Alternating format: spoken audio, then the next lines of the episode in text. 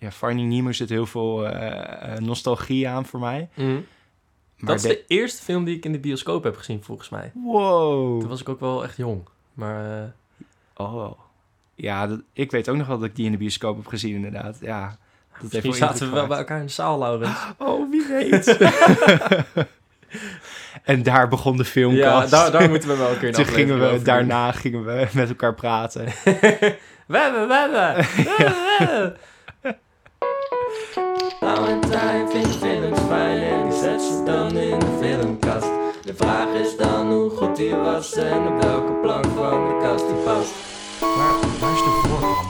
Gast, geef een flubbeltjes aan. Waar zou moeten liggen? Dat is geen flubbeltje. Dat ziet er toch niet uit als een flubbeltje? Hij gaat breken.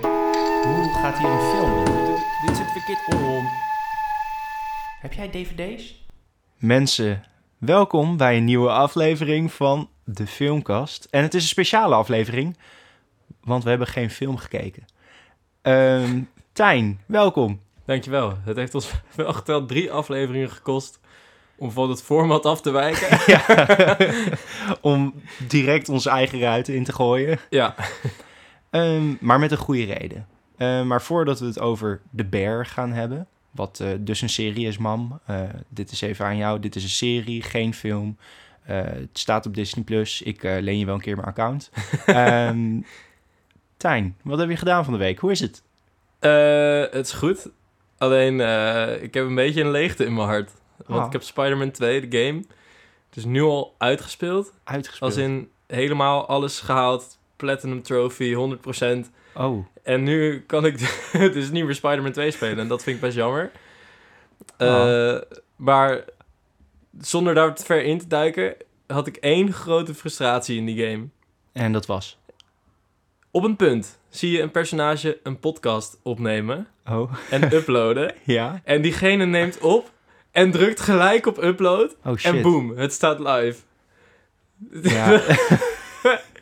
Zonder terug te luisteren, dingen erin te plakken, te mixen. Dus toen voelden wij als ervaren podcast-eigenaars... Voelde, voelde ik me een beetje teniet gedaan. ja, begrijpelijk. Maar ja, dat was het eigenlijk wel. Eh, maar ja, sowieso hebben zij ook niet zo'n vette jingle als wij. Nee, Dus- zo. Eh, en verder eh, was het echt een week van vaarwel. Want ik heb ook Sex Education dus eindelijk afgekeken. Hey, en hoe beviel dat? Ja, het is gewoon genieten. Ja. Ik had wel bij het laatste seizoen dat het, de lessen er soms een beetje te dik op lagen. En bij Sex Ja. Education is het begin, aan het begin natuurlijk helemaal het concept dat je naar tienerdrama kijkt. En dat je, Hmm. zonder dat je het doorhebt, dat er allemaal lessen in verweven zitten over eh, normalisering van, van dingen die ook eigenlijk normaal zijn, maar niet zoveel besproken zijn. Ja. En, op het, en zonder dat je het weet, worden er eigenlijk allemaal moralen en lessen op je afgevuurd. Dus van, wow, want dan zit je al zo erg in de schoenen van het personage ja. dat het eigenlijk niet meer uitmaakt dat het inderdaad zo'n les is. Eh, maar bij het laatste seizoen lag dat er soms iets dikker op.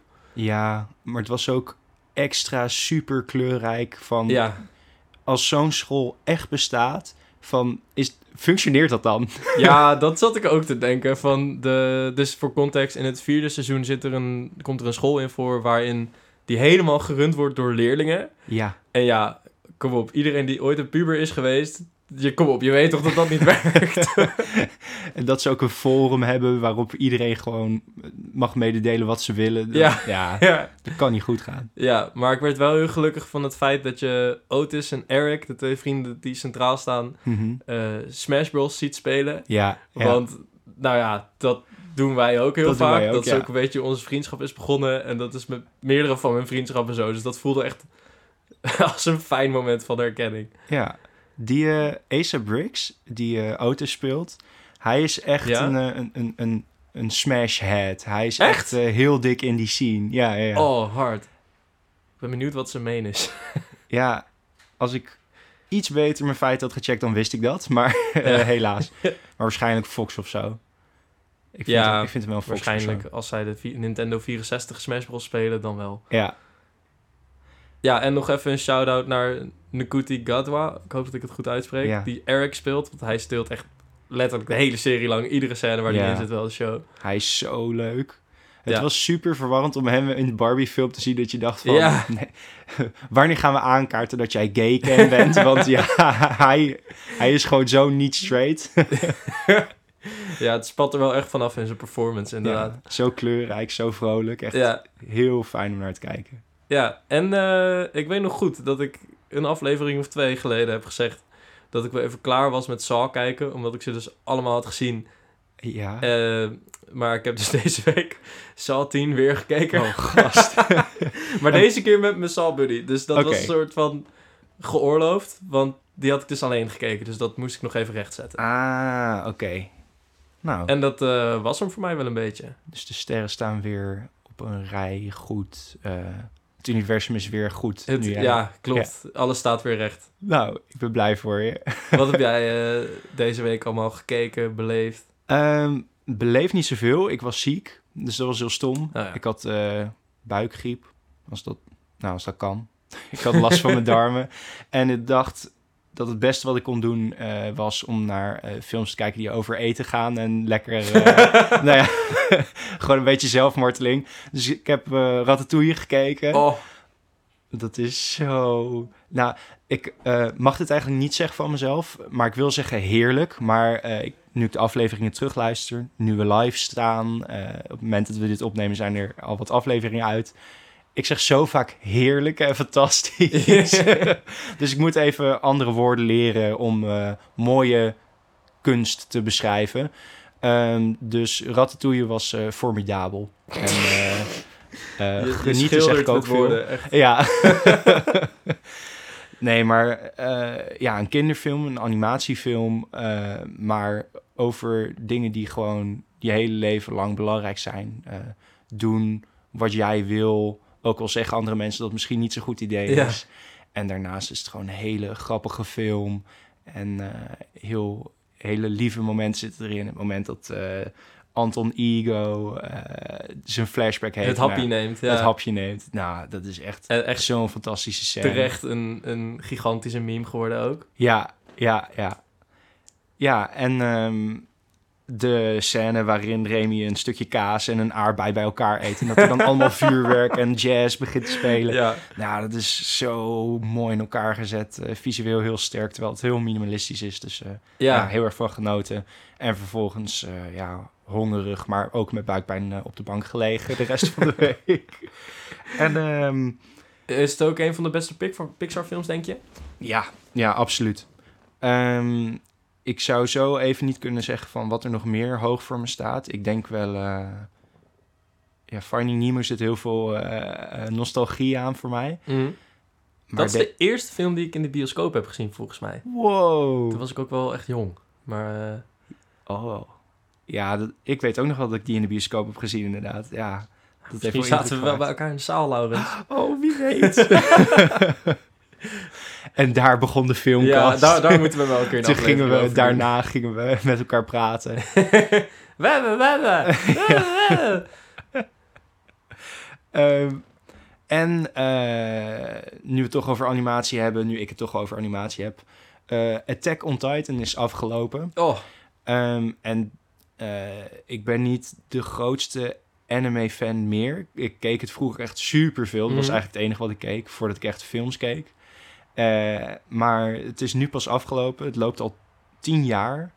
Uh, dus oh, op het moment dat ik echt super into anime was, toen, uh, toen begon Attack on Titan. En yeah. nou, het heeft de hele tijd gerund en dan lag het weer heel lang stil. En toen, toen kwam het hele debakel met dat de final season kwam uit. En toen eindigde het op een cliffhanger. Het was van wat? de, de, final season part 2 komt eraan. En toen was van, oh oké. En toen eindigde dat. En toen kwam er een special aan. En dat was ook nog niet de finale. Ja, en dus een beetje wat ze met The Walking Dead doen nu. Uh... Zo, is dat nog niet geëindigd? Nou, de officiële serie is geëindigd. Maar volgens mij is dat ze geen royalties meer aan Frank Darabont, de originele vertolker, hoeven te ja. geven. En nu hebben ze allemaal spin-offs met basically dezelfde personages nog uh, uitgebracht. En verrassing, waarschijnlijk gaan ze ooit weer samenkomen in een serie of film. Oh, dus Jesus. ja, ja dat is ook eh, echt een weird verhaal. Maar poept geld, dus ja, uh, neemt ze maar kwalijk. Het enige wat ik van Attack on Titan weet, dat er mensen binnenste buiten zijn en heel groot. en dat die shit gaan aanvallen. Ja. Wat is het eigenlijk?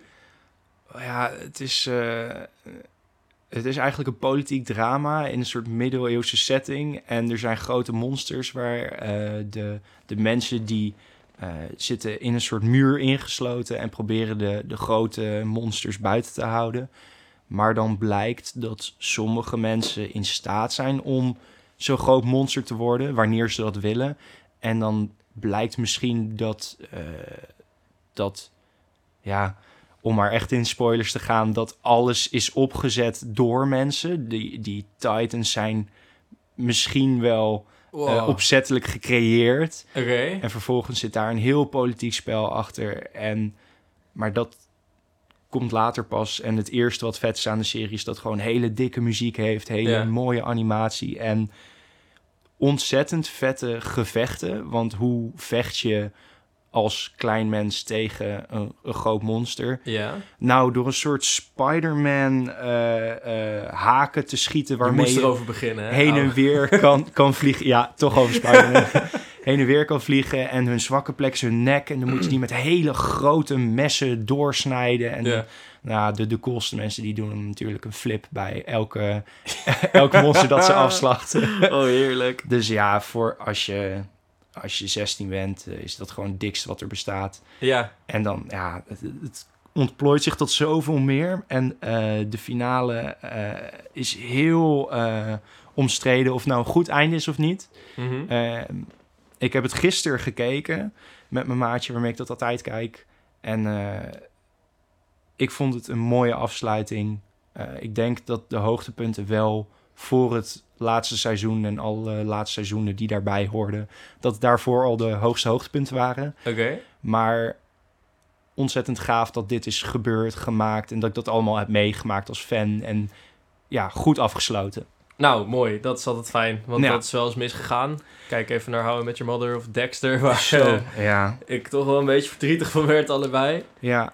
Eh, En anime op zich is al helemaal medium dat niet weet hoe ze een einde moeten maken. Echt, ik nee, met het constante inhalen van manga. ja, eh, en, en dat dan toch maar een origineel einde heeft gekregen. En ja, nou, Ja. ik ken weinig dingen die echt goed geëindigd zijn. Dat is heel stom, want ik heb heel veel gekeken. maar ja, ja, eigenlijk de meeste anime die ik heb gekeken, vond ik ook karig qua einde. Dus ik zit even terug te kijken. Eh, Death Note vond ik ook eigenlijk al ver over zijn hoogtepunt heen Ja. op het moment dat het eindigde. Eh, een van de goede voorbeelden van dingen die wel goed zijn geëindigd zijn Erased, maar dat is een miniserie, dus dat telt eigenlijk niet. vond je dat die goed geëindigd was? Ik, eh, ik, ik vond het wel een leuk einde, ja. Jij niet? We, Nou, de- maar we moeten niet echt te veel... Nu, we moeten niet iedere anime ooit gaan nee, spoilen. nee, nee, nee, nee. Maar Maar bij Erased is het een soort moordmysterie, mysterie, maar de enige persoon die je kan verdenken, die heeft het gedaan. ja, dat is waar. En dat is zo absurd. Want dan gaan ze er nog helemaal moeilijk over doen van... oh, is het hem wel? En nou ja, je hebt niemand anders die je kan verdenken. En dan Ja. is het van, oh, hij is het. Oh, shock.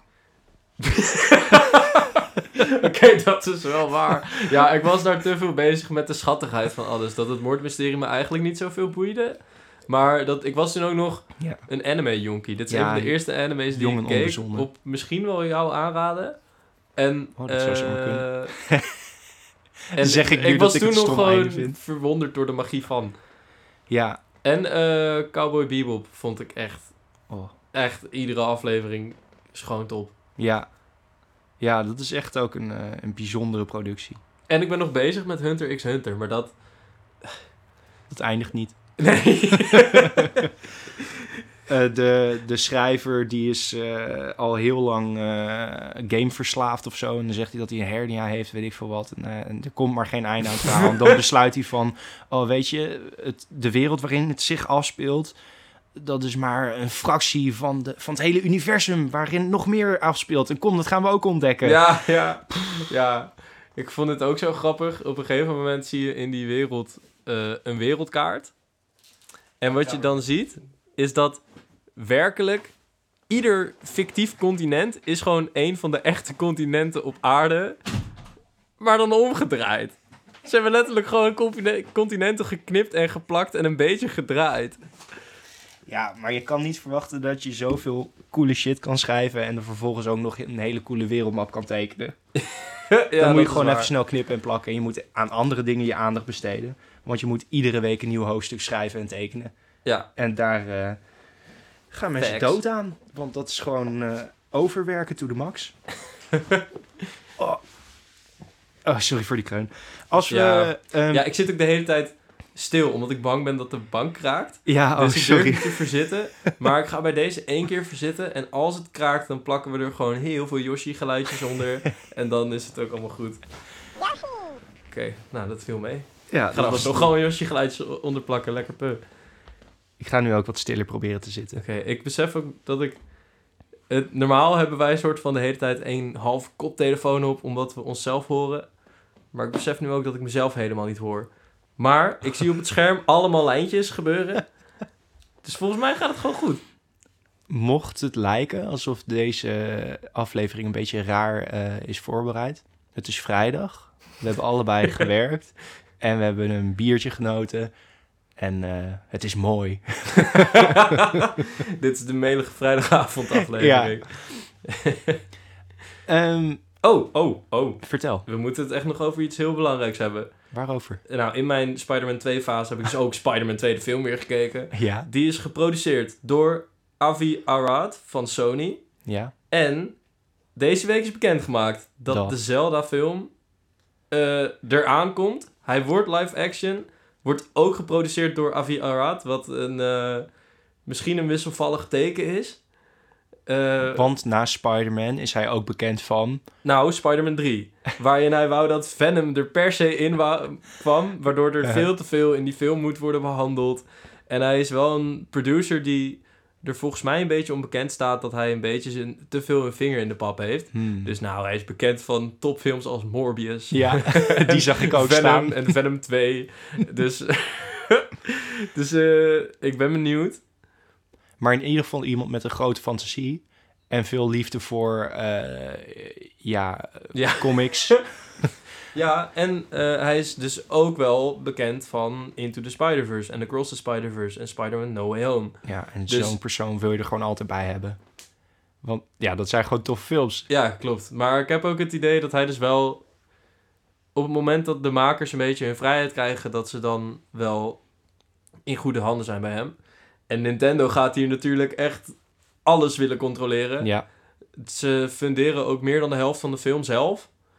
Ehm, dus ik denk dat het wel... Ik ben benieuwd. Maar ik ben gewoon jammer... Ik vind het jammer dat het niet een soort Studio Ghibli-achtige animatiefilm wordt. Want dat zag ik wel heel erg zitten. En helemaal met hoe erg de laatste twee Zelda-games daardoor zijn geïnspireerd natuurlijk. ja, absoluut. Ehm, verder nog... eh, volgens mij hebben wij misschien wel samen de Nintendo Direct gekeken... waar de cast van de Mario-film bekend werd. Ja, Hebben we echt keihard om gelachen. ja. maar ik zit echt nu al te wachten op een Timothy Chalamet of Tom Holland als Ja. Link of zo. ja, iedereen zegt het inderdaad. eh, Ja. Dat het grote twee kanshebbers zijn. Seth Rogen als Tingle. Ja, eh, mensen zeggen ook eh, Hunter Schafer als Zelda. Mhm. En zij is bekend van haar rol in Euphoria. ja, En nou, hele goede die zie ik helemaal zitten. Ja, ik ook wel. Eh, fancasting eh, lijkt altijd ja, kut en onzin. Maar toen gebeurde de Mario-film. En ja, Seth Rogen als Donkey Kong van... Ja, Jack ja, Black als Bowser. Ja, Arnold Schwarzenegger als Ganondorf. Kom maar. ja. Die is echt fantastisch. the Triforce. ja. Oh, dat klopt. Oh, god. Weer een... eh, Ik wil hem zien veranderen in een zwijn.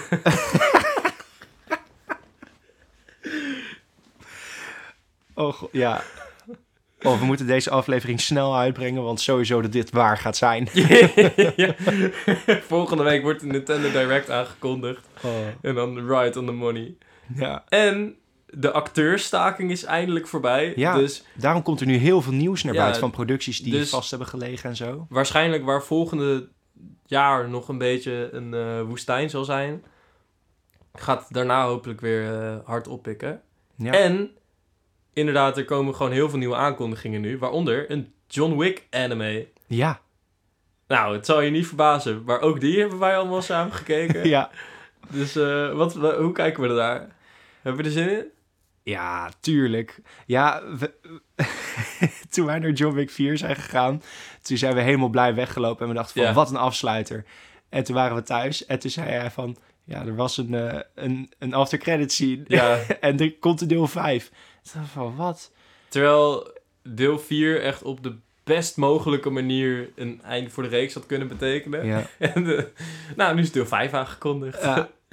En de Continental hebben, hebben we één aflevering van gekeken. Maar ja. de anime... Ja, laat maar komen, man. Die wereld is heerlijk. Ja, klopt. Dat is het ook wel een beetje. Zolang er een reden is om John Wick niks te laten zeggen en kont te laten schoppen... Ik, ik ga wel gewoon kijken. Mhm.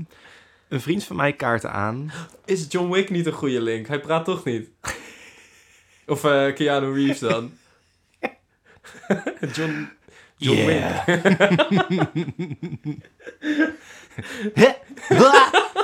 yeah. ja, fantastisch. Uh, maar een maatje van mij zei van... Zouden de John Wick films... Had het er niet bij één moeten blijven? Had nee. het niet mysterieus en compact moeten blijven? Want nu proberen ze die wereld uit te leggen. En hij vond dat de magie juist zat in dat het in deel 1 niet uitgelegd was. En daar zit wel wat in. Maar John maar dan hadden we John Wick 2, 3 en 4 niet gehad. Nee. Die vind ik allemaal veel te leuk. Ja, het, oh, het is te hard genieten. Ja, het en is alsnog wel... blijft het spannend en mysterieus. Klopt, maar het, het, is ook wel zo cartoonesk en over de top. Het voelt echt als een stripboekwereld ook. Ja. En daardoor kunnen ze gewoon zoveel gekke shit maken... Mhm. dat ik al mijn disbelief echt heel graag voor die films suspend. Dat als... Uh, ja uh, Donnie Yen zijn vuist oplaat door hem heel hard rond te draaien. Als Donkey ben ik alsnog blij. Donnie Kong. Ja. ja, dat, dat klopt gewoon. Dat is helemaal goed. Oh, ik zag laatst weer een clipje van dat uh, Keanu Reeves dan weer helemaal die trap afgeduwd wordt. Oh, dan kreeg ik echt gewoon kippenvel. Terwijl ik naar iemand aan het kijken was die heel lang van de trap aan het vallen was. Ja. Ik vond het zo vet. Ja, Heerlijke films. Ja. Goed, zullen wij uh, door naar het uh, hoofddinergerecht van uh, deze week? Oeh, wat wil je ons voorschotelen, Tijn? Een beer. Een beer? ja, twee seizoenen zelfs. Oh, met een derde ook aangekondigd ondertussen. Ja. Dus dit is ehm, topical. Vanaf nu, jij hebt wat tegen je moeder gezegd over de bear. Dat wil ik graag ook doen. Ja. Mijn ouders kijken het ook. Ik weet niet waar ze nu zijn, maar ik weet wel dat mijn moeder de neiging heeft om onze afleveringen te luisteren. Wat heel lief is, dankjewel. De film te kijken. En dat, dat is inderdaad heel lief. Maar alsjeblieft, alsjeblieft, kijk dit wel af. ja, We gaan nu op spoilers in. Het is echt een, misschien voor mij wel een top 10 aller tijden serie. Uh, en je wil jezelf niet alle gevoelens ontnemen die je in deze serie meemaakt door te horen wat wij nu allemaal gaan vertellen. Ja, door twee mannen er slap over te horen lullen en fanboyen. terwijl je ook en gewoon... alles te verklappen, ja. Terwijl je ook gewoon hartkwalen kan oplopen van lekker een serietje kijken. Ja. um, ja, waar gaat de bear over, Tijn? Uh, in een notendop een strugglend restaurant met allemaal mensen met best wel veel issues. Die, die niet, niet echt aankaarten, die ze niet communiceren maar ze maken wel fucking lekker eten. Ja. Uh, dus hun restaurant draait bijna niet. Is ook overgenomen omdat de, door de broer van de eigenaar. Omdat de eigenaar is overleden. Mm dus er zit nog allemaal leed. Maar het restaurant moet blijven draaien. En dat zorgt voor een hele stressvolle serie. Ja. Waarin je echt helemaal midden in de keukenstress wordt gezet. En je gaat er echt van zweten. Maar je krijgt ook heel lekker eten te zien. Ja, en de onderrondjes zitten de contacten zijn kort. Ze gebruiken minimale woorden, want alles moet efficiënt zijn. Maar er zit zoveel emotie achter elk woord dat gezegd. En eh, het is daardoor ook zo grappig in hoe uh, incapabel de mensen zijn. En ja, de, je gaat gewoon lachen ook omdat het zo spannend is. Terwijl ze staan gewoon te koken. Ja, de spanning is, het is zo, alles is zo strak gespannen qua sfeer dat als er iets gebeurt dat een beetje buiten de toon valt, dat het gelijk heel grappig is. Ja, We hebben net de laatste aflevering van seizoen 2 nog een keer gekeken. Of Yep. nou, voor mij nog een keer, voor jou de eerste ik moest keer. hem nog even afkijken. Eh, dus we hebben er lekker lang over kunnen nadenken ook. Oh. Ja, Maar de ook emoties daar, zijn rauw, mensen. het was echt zo'n gekke combinatie van echt heel veel voelen en dan je echt kapot lachen. Dat, nou, Ja. Het begint eh, in seizoen 1 dat ik dacht van... oh, het is allemaal heel spannend en intens. Want je ziet eh eh, Carmi, Carmen, de chef waar het over gaat, de bear... die is stressvol aan het koken. En het is een broodjeszaak. Dus in eerste instantie snap je dan niet wat hij daar überhaupt aan het doen is... waarom hij het zo spannend maakt. En eh, nou, de chefs communiceren niet goed en het loopt allemaal niet. Je denkt van, wat de fuck is hier aan de hand? Er staan mensen buiten in een rij alsof ze naar Comic Con gaan. Ik weet nog steeds niet wat precies daar aan de hand was. en eh, nou, ze willen allemaal een broodje. En eh, nou ja, het is al een beetje vreemd, maar blijft spannend. En dan loopt Richie, het mooiste personage uit de serie, ja, ik zeg het maar gewoon. Die loopt naar buiten, trekt zijn geweer, schiet in de lucht, zegt... Kalm allemaal! We gaan dit niet nu doen! En iedereen is van, oké. En hij blijft met zijn geweer in zijn hand staan. Hij richt hem ook op een paar mensen... wanneer hij zijn punt probeert te maken van... Het is altijd deze shit hier voor de deur... en daar hebben we helemaal geen trek in. ik denk van, oh, is, is hij gevaarlijk? Maar nee, hij is gewoon gek, quirky. Quirky, ja. Ja, ik denk ook eigenlijk eh, dat hij vanaf het begin af aan al mijn favoriete personage was. Ja, En dat was echt voordat het cool was. Want dat is denk ik... Ik denk dat hij pas vanaf de helft van seizoen 2 een favoriet begon te worden. Want dan heeft hij een aflevering helemaal voor zichzelf bijna. ja. En dat is echt, wat mij betreft, veruit de beste aflevering van de serie. Is dat de aflevering die je vandaag weer had gekeken? Ja, ja ik had Laurens geappt van... Hé, ik heb de beste aflevering nog een keer gekeken... en ik moest weer bijna huilen.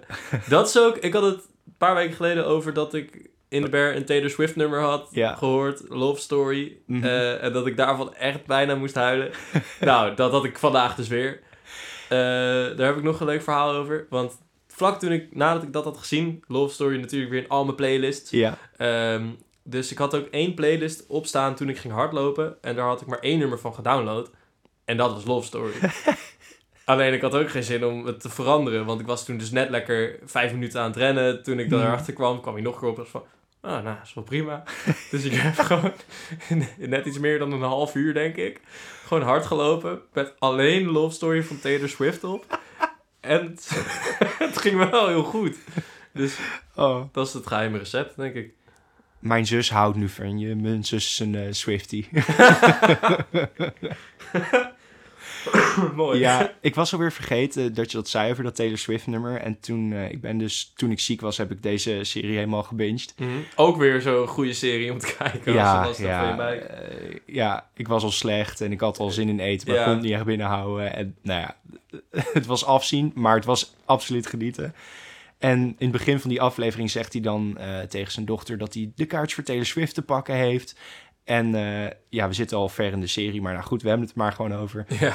En dan belt hij zijn ex-vrouw, met wie hij dus zijn kind moet, eh, moet afwisselen. Die woont- Gillian Jacobs trouwens. Ja. Van Community, Community. En, Love. Ja, hele fijne actrice. Ja. altijd prettig om haar te Oh, zien. en Invincible natuurlijk. Ja. En eh, nou, ja, dan zegt ze eigenlijk: eh, Nee, ik kan niet mee. Oh ja, en trouwens. En ze heeft het echt moeite om dit te zeggen over de telefoon. Eh, ik ga trouwen met mijn nieuwe vriend. Hij heeft meteen huwelijk gevraagd. Ik heb ja gezegd. En op dat moment zit hij zo laag, Richie. En dan gaat hij in een restaurant stage lopen, in een goed restaurant. En dan leert hij alle fijne kneepjes die hij voorheen niet heeft gewaardeerd. En mensen waarderen hem. En dat heeft hij ook niet eerder meegemaakt. En dan zit hij op een gegeven moment terug in de auto vanuit zijn werk. En hij heeft de topdag gehad. En hij is Love Story aan het Door blasten. Chicago aan het racen. Ja. Hij klapt met zijn auto. Met zijn bumper op de grond. Ja, Ja, en dan is het Marry Me Juliet. Super. Eh, naast dat de muziek in deze serie en de, de geluiden zijn zo goed. Ja, in deze, door die aflevering ben ik ook eh, de Talking Heads voor het eerst gaan luisteren. Want helemaal aan het begin zit een nummer van David Byrne, de Ja. frontman van The Talking Heads. Mhm. Glass, Concrete en Stone. En dat is ook echt zo'n nummer dat ik... Ik ben... Als ik muziek luister, dan heb ik ongeveer een week of twee... een paar nummers echt op repeat. Dat zijn de nummers die ik dan luister. En dan ben ik er eigenlijk helemaal klaar mee. Want nou, die heb ik dus veel te veel geluisterd. en dan ga ik weer door naar het volgende. eh, totdat dat na een jaar dan weer zijn comeback maakt. maar dat is dus Love Story. En dat nummer, dat is echt twee weken lang de jam geweest. Nou, geen verkeerde jam. Nee, inderdaad. En eh, ik moet ook aankaarten. Ik ben geen Swifty. Niks tegen haar. Mensen, stop. Put your pitchforks down. In seizoen 1 zit er ook een aflevering eh, met goede vibes. En die sluit af met het nummer van John Mayer. eh, Last Train Home. Oh, en ja. toen heb ik ook keihard gevibed. Ja, Ah, heel fijn. Eh, maar ja, waar, waar, waar gaat de serie over? Hij heeft dus dat restaurant overgenomen. Zijn broer is overleden. Maar, maar Ja. wat dan? Hoe maak je daar een serie van? super goede personages schrijven en zorgen dat ze altijd te weinig geld hebben. Ja, Eh, dat is is, in stress. seizoen 1 vooral de rode draad. De Carmi, dus de, de bear, eh, die heeft het restaurant overgenomen van zijn broer, want die heeft zelfmoord gepleegd. Mhm. Eh, maar die broer die heeft geld geleend, heel veel ook, en dat is zoek. Yep. Ehm, Van Cicero, een familievriend die overigens ook een heerlijke rol is. ja, en die dus telkens verhaal komt halen van... hey, je moet dit restaurant wel echt winstgevend laten maken. Win, dat is geen goede zin, maar Ja, we, we snappen je. Oké. En ik spreek voor we. Ehm, en in aflevering 1 pakt Carmi een blikje tomatensaus. En als je de serie hebt gezien, weet je dat daar heel veel geld in zit. Ja. Want daar heeft die broer het verstopt. Maar dat wisten ze niet. En hij flikt dat blikje in de prullenbak met de duizenden euro's die erin zitten. En helemaal aan het eind van seizoen 1 gaan ze iets maken met tomaat. Waardoor ze Ja. erachter komen dat het daarin zit. Ja, dat is zo grappig inderdaad. Want dan is het ook van... Waarom hebben we zoveel tomaten in blik besteld? Dan is hij echt gefrustreerd van... Die gast kan echt niet met zijn geld omgaan. Waarom doen we dit? We maken niks met tomaten uit blik. En dan, ja, dan flikt hij het weg. ja, de hele kern van deze serie is eigenlijk ook dat de personages allemaal rare dingen doen die je niet begrijpt. En dan op een gegeven moment dan zetten ze alles in een andere context, wa- waardoor je het meer vanuit het perspectief van die personages ziet. Ja. En dan ineens klikt, klikken de puzzelstukjes ineen en dan begrijp je waarom die personages alles doen en dan voelen ze ineens heel erg echt. Ja. En dat is, vind ik echt briljant geschreven hieraan. Ja. In ehm, seizoen 2 zit zo'nzelfde soort foreshadowing. Want in aflevering 1 kan je een post-it note zien waarop de zus van Carmi heeft geschreven... Carmi, I love you, but call the fucking fridge guy. En in de laatste oh. aflevering zit eh Carmi natuurlijk de hele tijd vast in de vriezer. Ja. tot zijn grote frustratie. Ja, op opening night van zijn nieuwe restaurant. Wat Ja. hij heeft kunnen realiseren met dat geld uit de tomatenblikken. En eh, ja, hij zit vast. Hij moet de keuken aansturen. Maar hij zit vast in de vriezer. Mhm. Ja, sneu. Heb jij eh The Good Place gezien? Nee. Oké, nou, daar zit een eh, concept in. Jeremy Baremy. Zonder te veel in details te treden. Ehm, en de hoofdpersoon wordt gespeeld door Jeremy Allen White. Ja. En in de serie is zijn achternaam Berzato, dus de bear. ja. Dus iedere keer als ik hem zie, dan spookt Jeremy Baremy door mijn hoofd. en als je, nou, als je The Good Place hebt gezien, dan weet je wat dat betekent. Maar dat eh, kon ik ook moeilijk uit mijn hoofd krijgen. Nice. Eh, die Jeremy Allen White. Wat een acteur. Waar komt Ja. hij vandaan? Heb jij hem in, in iets gezien? Hij zit in Shameless, dat heb ik niet gezien. Maar dat is ook Oh. een serie die zich afspeelt in Chicago. Ja. En ik heb hem gezien in een soort semi-horrorfilm van... eh, oh, nu weet ik niet meer hoe die heet. Maar het is geregisseerd door het broertje van James Franco, Dave Franco. Ja. Zijn horrorfilm, semi-horrorfilm, daar zit hij ook in. Ah, Maar dat zag ik pas na de bear, dus voor mij was het ook een onbekend persoon. sowieso iedereen in de keuken onbekende acteurs. Mhm, Hopelijk voor is mij dat ook, waar. ja. Of dat is voor mij in ieder geval waar. Ehm, ze kunnen allemaal stuk voor stuk heel goed acteren. En dat dat dan dus de, de, de lead cast is, denk, denk je echt van... Oké, interessant. Maar elke bijrol in deze serie zijn enorme namen. Ja, je hebt... ehm In met name in seizoen 2 Ja, heb je Will Poulter aan het begin al vrij snel. ja, De, de man met de wenkbrauwen. Eh, Joel McHale speelt natuurlijk de, de chef, de Jeff, eh, die, ehm die Carmi heeft opgeleid geleid en eigenlijk heel veel issues heeft gegeven. Ja.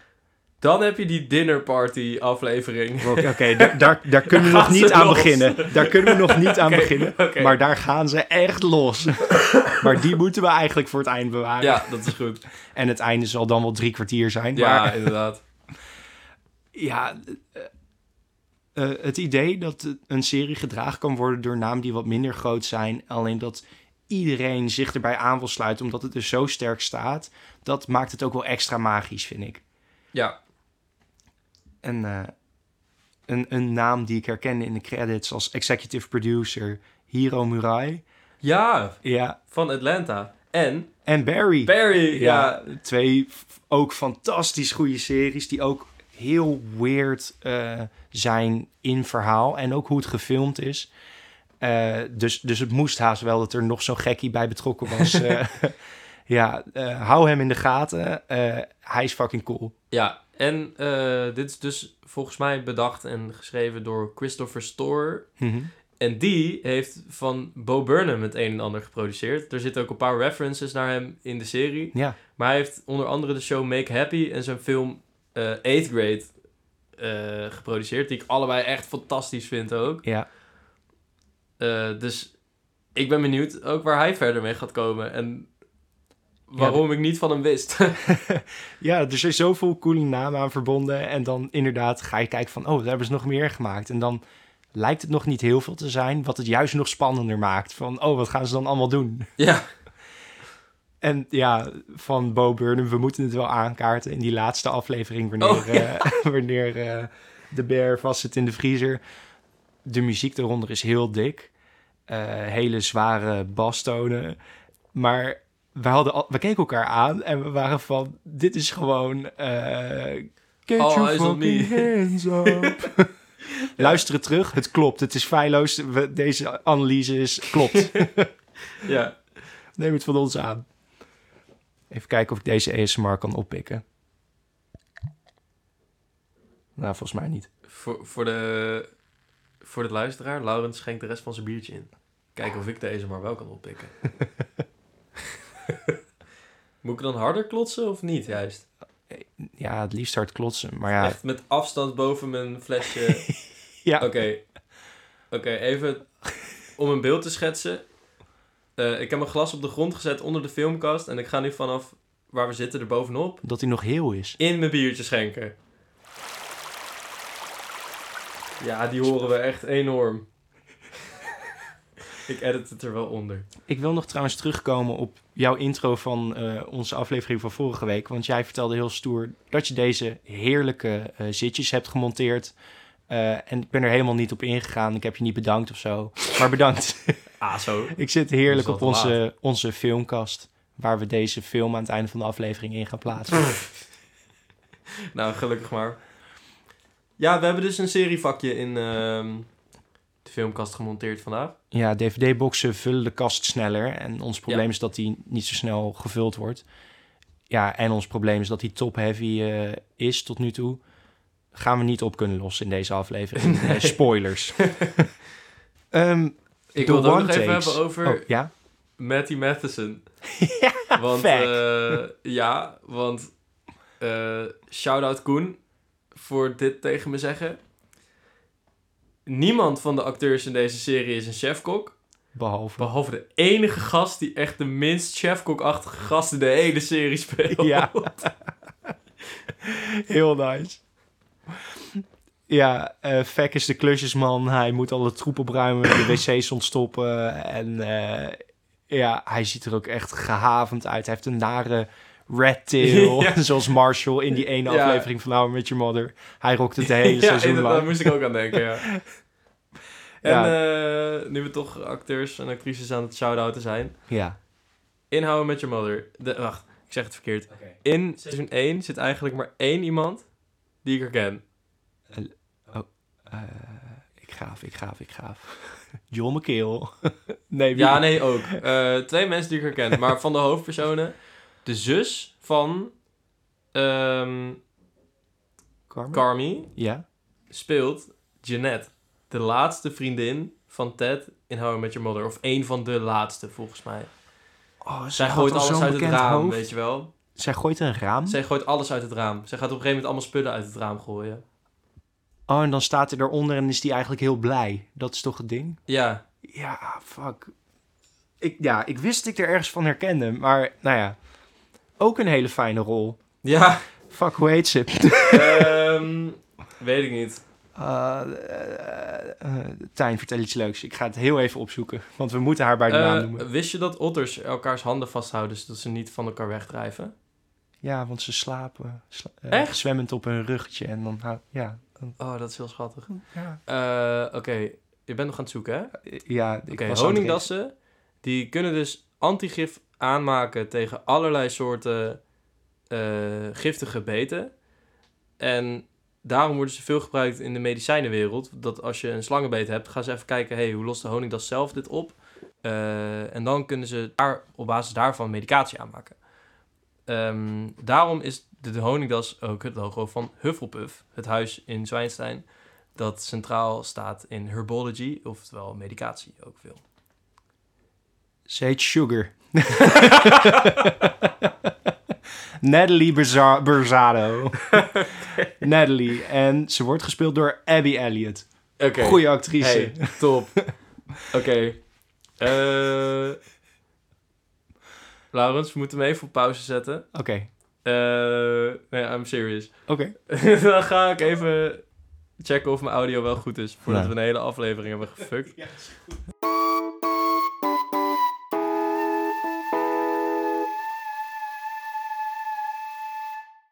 Wil je weer klappen? Ja, dat wil ik. Dat was de reclame. Eh, we, wor- we worden dus nu gesponsord. Door hun. Ja. Bedankt, jullie. Goed, waar waren we? We waren uh, Bij Natalie. aan het shout-outen eh, en eh, het over Hufflepuff aan te hebben. Is het dan nu al tijd over, om het over de dinnerparty te hebben? of Laten we maar gewoon vroeg? beginnen, want dit is ook volgens mij waar iedereen op zit te wachten. Ja. ja, wil jij even beginnen? Oké. Het idee is dus dat het restaurant is overgenomen van de overleden broer van Carmen en van Natalie. Ehm, en op een gegeven moment krijgen we een hele aflevering die een flashback is van eh, hun huishouden. En dus nog met hun eh, broer, eh, fuck, hoe heet hij? Michael? Mikey. Mike, ja, Mike. Door John Bernthal. Ja, Fucking goede acteur. überhaupt het moment dat het klikt, dat je hoort al letterlijk heel seizoen 1 lang... Mike, Mike, dit is Mike, de broer Mike. Ja. Je ziet hem nooit. Je ziet Ik- hem één keer. Echt? Wanneer ze een verhaal vertellen over dat wie hun voicemail heeft ingesproken. Eh, er is een kleine flashback. Dat Zie je ook al dat dat John ja, Bernthal ja, is dan? Ja, ja. Dat is helemaal langs me heen gegaan, volgens mij. ja, maar het is ook zo'n klein compact momentje. En vervolgens wordt er niet aan gerefereerd. Dus je moet ook maar oppikken dat Oké, dat ah, ik Mikey weet het is. even niet meer. Maar op het moment dat het klikte, had ik echt zoiets van... Wow, deze Mike is gewoon John Bernthal van The Walking Dead en The Punisher en al die andere coole dingen. En Baby Driver, ja, waar, die alleen in de eerste 10 minuten zit. Maar goed. Ehm, nou ja, de aflevering begint. Eh, Mikey en, eh, en zijn zus die staan voor de deur te roken. En ze hebben het erover van, oh, onze moeder is zo moeilijk, moeizaam. Ja, Maar we moeten er gewoon haar ding laten doen. Niet te veel aandacht aan besteden. Ze is melodramatisch. Het, het moet gewoon maar gebeuren. en wat je ook doet... Niet vragen of het met haar gaat. Ja. Want je vraagt het altijd, maar alleen aan haar, maar niet doen. nou, we lopen naar binnen met hun door de deur naar binnen. En de keuken is echt een fucking slagveld. en wie staat daar te koken? Jamie, Lee Curtis. Curtis. oh, zij is... Ik vind haar zo'n coole actrice. Ja, Eh, we kennen haar natuurlijk van Halloween. Van Freaky Friday. is geworden. ja, en Freaky Friday. Yep. En Everything Everywhere All at Once. Ja, Waar een best wel een, een setverhaal van rondgaat. Dat zij iedere keer op de set stond te kijken. Ook bij de scènes die helemaal niet remotely voor haar belangrijk waren. ja. Dat aan haar is gevraagd van... Hey, eh, alle andere acteurs zijn in een trailer aan het chillen. Waarom ben je eigenlijk de hele tijd op set? En zij zei van ja, maar je leert helemaal niks op de set. Dus, of eh, In in je je, trailer. trailer. Dus ik ga op de set staan waar ik dingen kan leren. Terwijl dit al is, terwijl zij is bekend geworden in de jaren 70. ja. Zij loopt al meer dan 50 jaar mee en ze is nog steeds leergierig. En Ja. bezig met haar vak verbeteren. Alleen al daarom echt eindeloos respect voor haar, man. En nog meer respect omdat ze een hele grote fan is van One Piece. maar dat Ja. terzijde. ja, dat ook. Eh, ze staat te koken, het is een slagveld. Ze heeft 200 alarmen staan die allemaal afgaan om de beurt. Waarvoor heb ik dit alarm gezet? Eh, kun je de pan verplaatsen? Eh, kunnen jullie uit de weg? Kunnen jullie weer hier komen om mij te helpen? Niemand wil me helpen, niemand waardeert me. Waar is iedereen? Ja, zo. en dit klinkt ook vermoeiend. Jamie Lau Curtis. De camera zit overal zo dicht op. ja, Eh, iemands gezicht komt niet helemaal in het frame. Eh, nooit. Het, het staat scheef en ze zijn aan het schelden en ze, ze wiebelen. Eh, je weet niet waar je op moet focussen. De geluiden zijn allemaal kei en keihard. Er zit ook nog een muziekje onder die het nog onwenniger maakt. Want het is een kerstdiner. Er Ja. staat gewoon gezellige top 2000, weet ik veel wat muziek. het is leuk. Ja. Die, die, die vibe een beetje. Ja.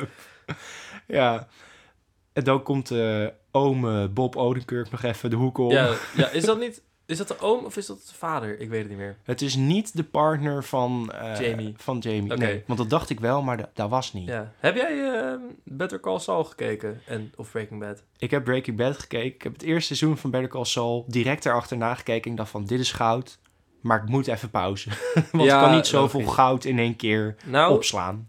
eh, misschien ga ik ons weer reacties opleveren met deze uitspraak. Maar ik vind Better Call Saul eigenlijk beter dan Breaking Bad. Alleen het is voor veel mensen misschien niet gemaakt. Want Breaking Bad heeft... De, ik, heb het, ik heb dit allemaal met mijn vader gekeken. En dit is een observatie van hem ook. Ja. Eh, bij Breaking Bad heb je Walter White die op het moment, moment suprem, zeg maar, alle stukjes samen laat komen en met één geniale zet alles in zijn voordeel weet te zetten. Ja. En Saul is niet zo. Hij is een planner.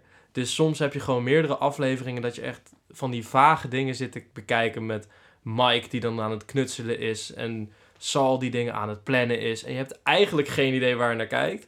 Totdat de aflevering dat ze het plan gaan uitvoeren en dan komt alles samen. Hmm. Dus je hebt daar meer geduld voor nodig. Maar uiteindelijk vind ik dat zoveel leuker.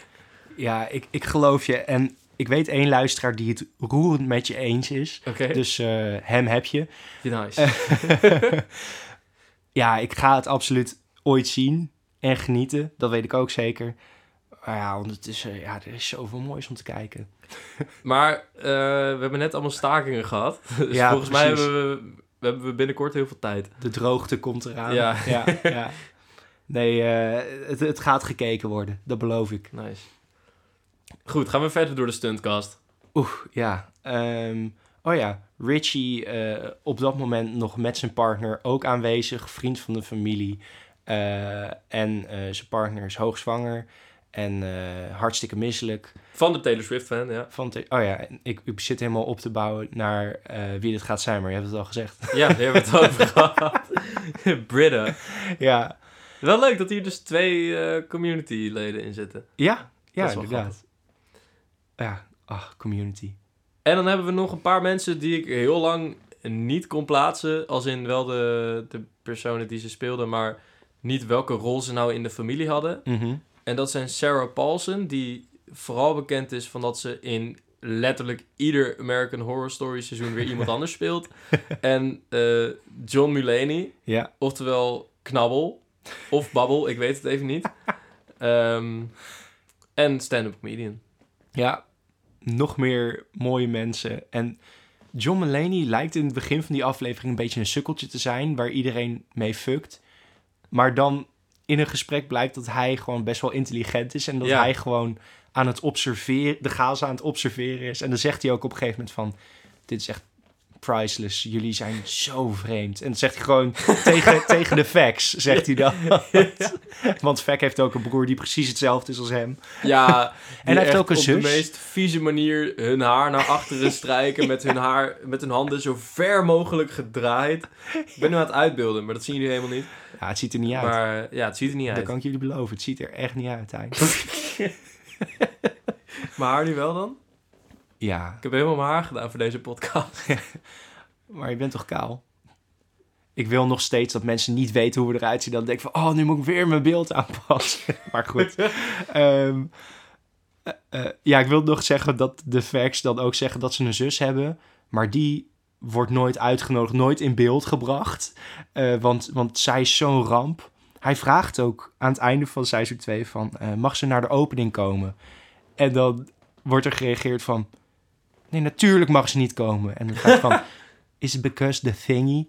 Of course is it because the thingy. en dan denk ik even, oh, waar, waar gaat het over? Dus Ja. ik hoop dat dat in seizoen 3 dan naar voren komt. ja, sowieso ze fucken in deze serie best wel veel met ehm, informatieverdeling. Ja. Eh, bijvoorbeeld dus aan het begin was ik de hele tijd aan het puzzelen van... Wie is Richie nou? Want ze noemen hem de hele tijd cousin. Maar hij zegt ook de hele tijd, I'm not your cousin. Ja. Eh, en ze houden heel erg in het midden wie Mike nou is. Wat Carmi van hem is. Yup. Hoe, wat er nou is gebeurd. Mhm.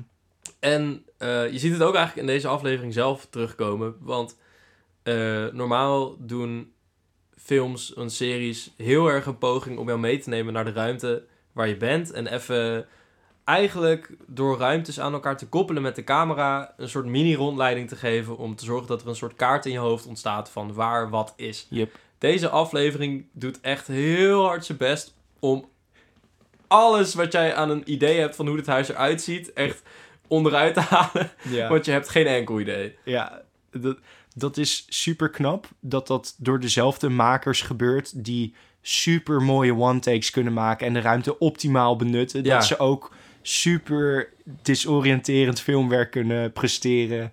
En dat werkt natuurlijk alleen maar mee met de chaos die gaande is, want iedereen is aan het schreeuwen. Mensen hebben al langer eh, zich gefrustreerd aan elkaar, maar dat, dat komt nu allemaal naar boven. Het is, Ja. nou ja, eh, typisch kerst, wat ik van sommige mensen meekrijg. Bij mij niet. Nee, bij mij ook niet. En ben ik blij om. Daar, ja, daar prijs ik mezelf ook wel gelukkig om, inderdaad. Maar eh, ik vind het leuk dat ik dit soort chaos mag meekrijgen van Amerikaanse televisie. Ja. Ehm, ja. Waar... Oh ja, het gaat over de Seven Fishes. En nou, ze leggen het uit, maar ik heb nog steeds niet echt het idee dat ik het snap. Ja, het, getal 7 is heel belangrijk in de Bijbel, geloof ik. Ja, En eh, vissen is lekker. ja. Ja, nou, eens. En we moeten dankbaar zijn voor de vis. eh, ja, zoiets. Ja, ik weet de clue niet meer helemaal. Dat is een beetje aan me voorbij gegaan omdat Jamie Lee Curtis eh, met een auto door de muur heen rijdt. Ja. Wat eh, heel erg niet grappig is en eigenlijk tragisch is. ja, eh, ze overleeft het, iedereen overleeft het, maar gewoon het idee dat je zo met jezelf in de knup zit dat je maar een auto door de muur heen rijdt. Nou ja, dat, eh, ja, dan zit je wel heel erg in de knup met jezelf. En ze, ze huilt achter het stuur en ze wil de deur niet open doen. Het is eigenlijk heel zielig. Maar ja, je, je, je zit al zo hoog in je adrenaline in die scène, of in die, in die aflevering. En eh, ja, het is zo absurd. het is eigenlijk ook inderdaad... Die sfeer die ze thuis hebben is eigenlijk dezelfde sfeer in de keuken. Mhm. En dat is het tragische eraan, dat zij dat dus kennelijk soort van wel opzoeken of in stand houden. En dan heb je dus eh, Sugar, eh, hoe heet zij? Wat? ja, de, fa- de zus. Ja, Ehm, die dus bewust ervoor heeft gekozen, of nou niet bewust, misschien wel onbewust juist, er heeft, ervoor heeft gekozen om een soort anker eh, te zoeken. En dat is dan Piet, die iedereen als de grootste sukkel ziet. Maar eigenlijk is het gewoon echt de allergrootste lieverd van allemaal. Neemt hij ook nog een achtste vis mee. Dat, dat, Ja. Wat het helemaal verziekte. En Ja. voor meteen de prullenbak gemieter. Ja, ja, maar hij is echt een schatje. Wat dan ook in de seizoensfinale blijkt. eh, ja, dan komt de moeder langs bij de opening van het restaurant. En mensen wisten niet of ze ging komen. Mensen wisten niet of ze wilden dat ze ging komen. En, En staat ze buiten. als ze ging komen, dat ze een scène ging schoppen. Wat ze vaak uiteindelijk doet. Ja, Ook al is het niet de bedoeling. ja. En dan staat ze voor de deur en Piet is de enige die dat ziet. Pieter is de enige die dat ziet. En eh, ze wil niet naar binnen komen. En ze zegt, ik hou van iedereen. Ik wil het voor niemand verpesten. Ik ga weer. En hij zegt alleen maar van... Maar je gaat het niet verpesten. En het is zo mooi. Je gaat zo trots op ze zijn. Dan zegt ze van, ja, ik ben ook trots op ze. En dan loopt ze weg. En dan zit hij super hoog in zijn emotie. Maar hij mag het niet aan Natalie... Ze heet Natalie. Ma- hij mag het niet aan Natalie vertellen. En dan zit hij huilend aan tafel. En dan verschilt hij dat ook voor haar, zodat zij een fijnere avond heeft. Want het is zo chaos. Ja, omdat hij ook nog per ongeluk tegen de moeder heeft gezegd dat Natalie dus zwanger is. Ja. Wat ze kennelijk niet wist. Nee. Eh, en daarin laat die moeder ook heel erg een heel erg tragisch moment van zelfkennis zien. Van dat ze ook dus heel erg zelfbewust van is dat zij de neiging heeft om overal scènes te schoppen. Ja. En ze gewoon lastig weet hoe ze, hoe ze dan haar liefde kan laten zien zonder bang te zijn dat ze dan dingen gaat verpesten. Ja. Wow. Ja. En dit is niet de enige van dit soort dynamieken Nee. die er in de serie zitten. Dus ja. En zij heeft uiteindelijk één aflevering waar ze in zit en dus één scène. Ja. En ze weten dan nog zo'n personage neer te zetten. Dat is echt krankzinnig. Ja. Ja, het is eh, mooie serie. Ja, als we nu even terugblikken op de twee seizoenen. Eh, ik denk de dynamiek tussen de twee seizoenen is heel erg dat in seizoen 1 is iedereen een beetje... Dus Zoekende. wat we eerder zeiden, zoekende en een beetje gebroken. En een beetje op zoek naar wat ze nou beter en anders kunnen doen om zichzelf te helen. En in seizoen 2 is dat ook heel erg het thema. Heel veel personages ondergaan echt hele mooie veranderingen. Zoals Marcus met zijn trip naar Denemarken. Hebben we het nog helemaal niet over gehad ook. Ja. Ehm, eh, Richie met zijn duurdere restaurantervaring. Ja. Nou, noem maar maar op. En uiteindelijk is de enige die achterblijft Carmen zelf. Ja. Die het zo erg opfokt dat hij in de koelkast zit, vast zit te schreeuwen. ja. En wat het meest treffende is, is dat op het moment dat hij weg is, alles helemaal goed gaat. ja.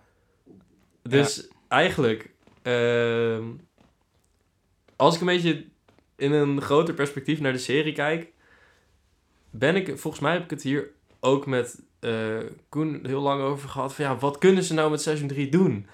Eigenlijk Ja. is misschien het enige wel Carmi's arc afmaken. Want de rest is al soort van zo erg op het verbeterde pad dat dat misschien wel al bijna af voelt.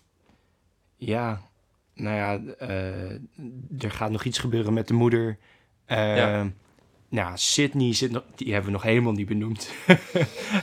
Eigenlijk hoofdpersonage 2 hebben we het helemaal niet over gehad, want de serie is zo interessant. Ja, Eo Edibiri, echt, dat is de actrice, Ja. die speelt ook echt fantastisch. Ja, eh, zo fantastisch dat, dat ik me ook heel erg aan de kan ergeren. Ja, inderdaad. Ja, ehm, maar zij eh, zit ook nog niet helemaal lekker in de vel, want ze heeft dus die leidersrol gekregen. Eh, maar ja, kan ze het wel? Ja, het lijkt, ze lijkt het te kunnen, maar ze gelooft het zelf nog niet. in, in de laatste aflevering wordt er eh, door Mark haar gevraagd van... hé, hey, wat eh, ga je hierna doen? En zegt ze van, weet ik veel, waarschijnlijk fucking 40 keer overgeven of zo. en in het einde van de aflevering zit, is ze achter het restaurant lekker aan het overgeven van de stress. Ja. Eh, ja, Ik vind het ook wel mooi hoe ze de, zeg maar, de keukenbranche, Mhm. om het even gek te zeggen, is er wel eentje die bekend staat om ook veel substan- substance abuse problemen. En dat kaart ze soms ook heel casual aan. Bijvoorbeeld doordat Sydney in de laatste aflevering een collega van hun betrapt die even casual meth aan het smoken is. dan loopt... ehm, oh nee, die betrapt Marcus. Die loopt dan naar binnen om even met Sydney te overleggen van... Goh, ik moet hem ontslaan, toch? En dan zeggen ze ook tegen elkaar van... Ja, hij was ook al wel heel snel de wortels aan het snijden. maar dat, dat is dan echt zo'n tussendoorgrapje bijna... dat wel best wel eh, de vinger op de zere plek legt misschien. Dat is ook wel best wel... Vind ik Ja. ook wel knap. Ja, maar ook uh, in seizoen 1 wordt er gewoon achter de deur van het restaurant uh, kook gedeeld of zo. Ja, ja. En ook voor op straat door verschillende gangs. En dat moet Sydney dan ook oplossen door ze, ze broodjes te geven. Ik snap, oh, nou, ja. elke Martin Scorsese film kan gewoon opgelost worden door, door broodjes, mensen broodjes ja. te geven. ja, uh, er gebeurt veel gekke shit inderdaad. En je, het is allemaal heel absurd. Maar het is niet per se gek dat dit echt zou kunnen geboren in gewoon een rauwe stad. Uh, ja, waar Chicago gewoon veel figuren rondlopen. Best wel, best wel crimineel, die stad toch, volgens mij. Best wel hoge crime rate in ieder geval. Als ik alle rappers mag geloven. um, en de laatste actrice die er echt ineens heel even in zit en wel echt haar scène heel hard steelt die ik wil shout-outen, is Olivia Colman. Die de hoofdchef speelt in de, of in de aflevering waarin Richie dus zijn stage gaat lopen. Ja. En zij speelt zulke rare, vreemde, verschillende rollen. Want hier speelt ze een hele kalme chef.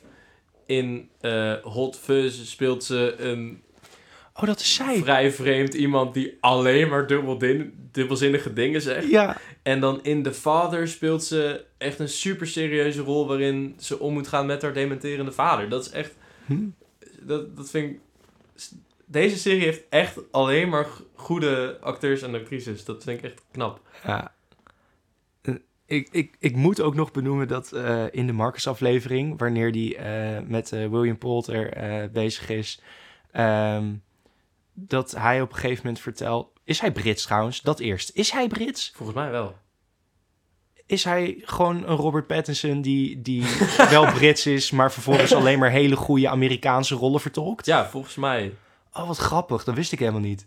Maar, maar ik, misschien dat ik nu aan mijn nek lul hoor. Maar... nou ja, nou, ik neem het maar gewoon aan voor de waarheid. Nou, dan mooi. kunnen mensen boos op jou reageren.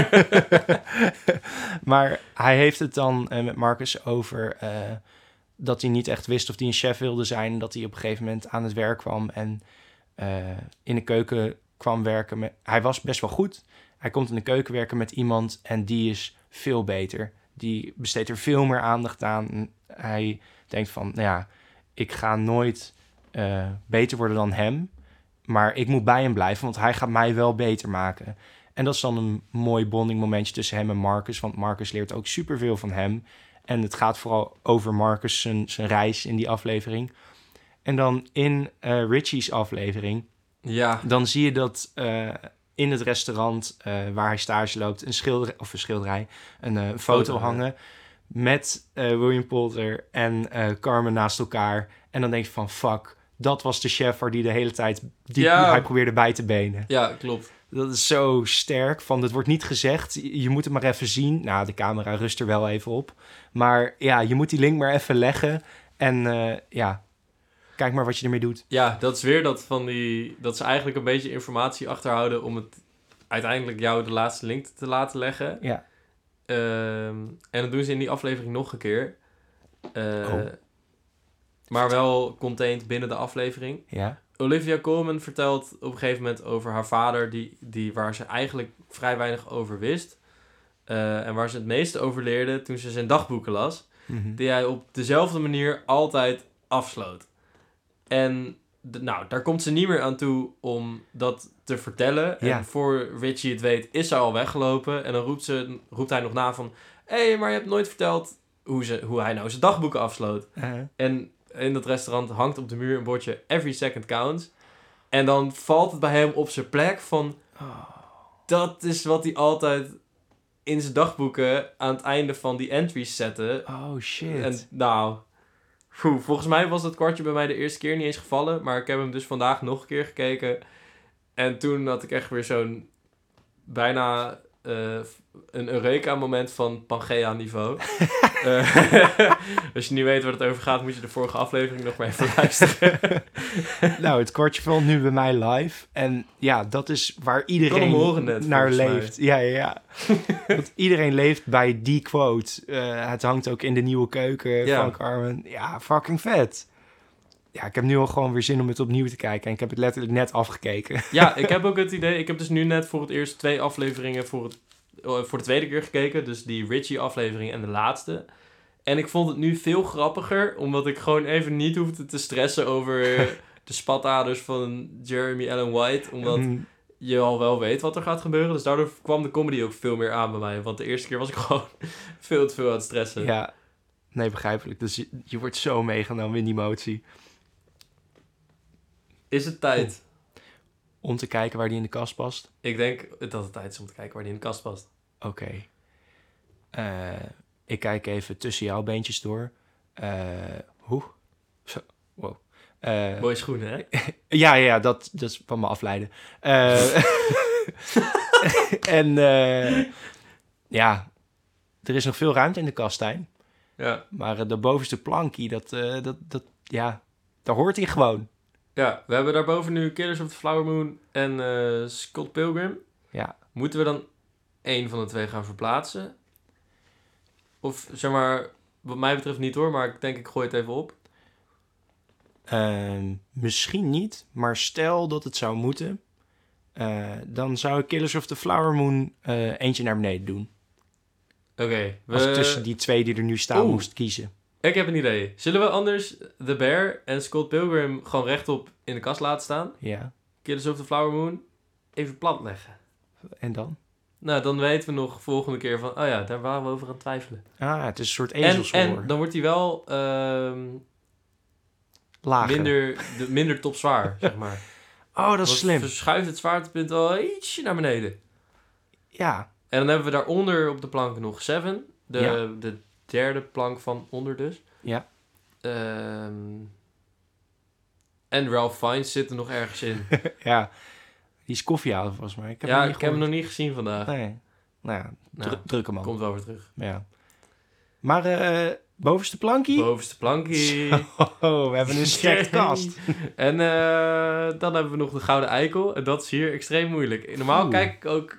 Tijdens het kijken denk ik er al een beetje over na. Ja, Maar dat was in juni. Dus dat kon nog even niet. Ehm, ja. Er zijn veel mensen met eikel traits. Dat sowieso. Ja, maar deze serie onderbouwt iedereen en maakt alle personages zo realistisch en rond dat je altijd begrijpt waar ze vandaan komen. Dat ik zelfs Josh, die in de laatste aflevering met stond te roken achter de keuken, dat ik hem hem niet zou geven. Hij sneed die wortel zo snel. Dat was gewoon tof. Ja, hij was, het- je ziet het terug in zijn prestaties. En ook Cicero, die de hele tijd eigenlijk de boeman is die het geld wil halen. Ja. Die heeft zoveel liefde voor de Die familie heeft zoveel alsnog. liefde voor de familie. En Ja. hij staat wel gewoon in zijn recht. Want hij heeft rustig even nog eh, echt wel duizenden euro's die hij terug Ja, moet krijgen. Een miljoen volgens mij ondertussen. Oh, dat zou goed kunnen. Ja. Oh ja, dat klopt. Ja. Ehm, maar Bob Odenkirk is echt onvergeeflijk. eh, hoe die eh, eh, John Bernthal uitdaagt. Toch? Oh ja, dat was ik alweer helemaal vergeten. Oh mijn god. Ja, dat is misschien wel waar.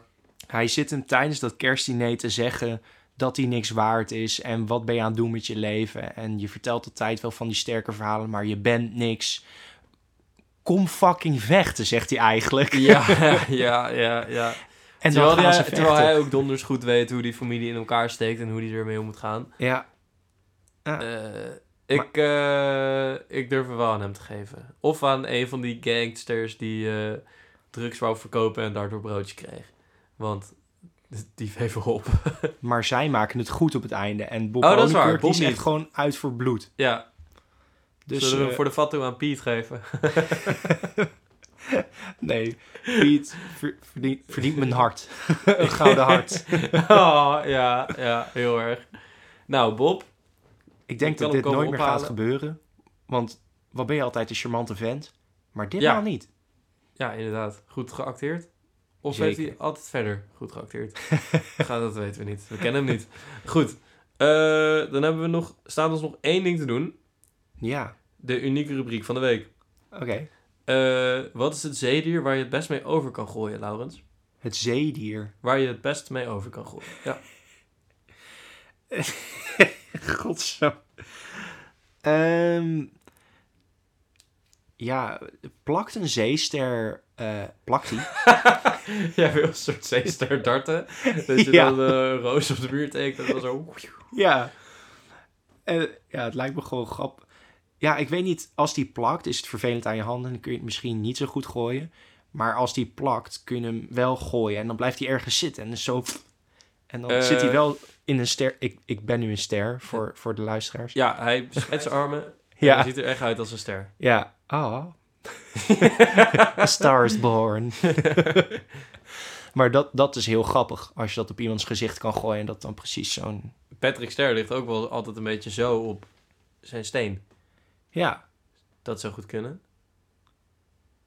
Ze noemt niet voor niets zeesterren. Als, als in, in, in bed. Want echte sterren blijven ook altijd plakken. Dat weet ik niet. Maar Nee, ik ja, vast.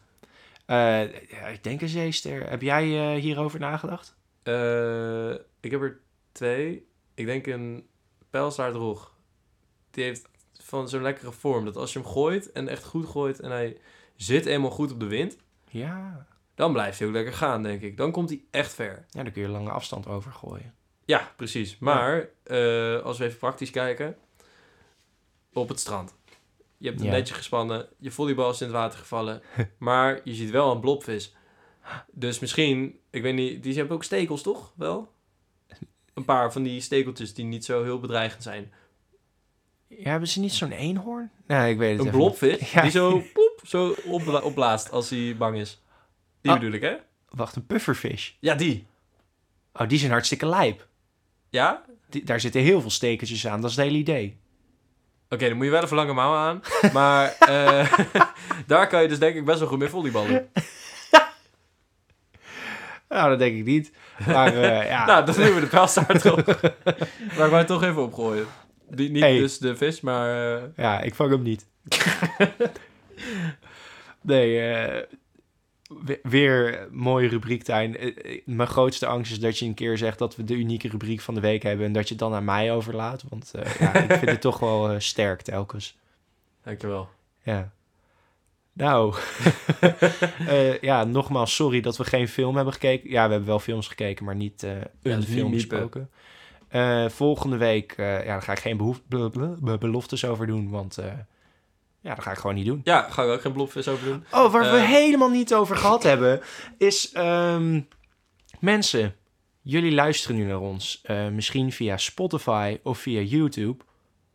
Wist je dat we dat andere medium dat ik noemde ook hebben?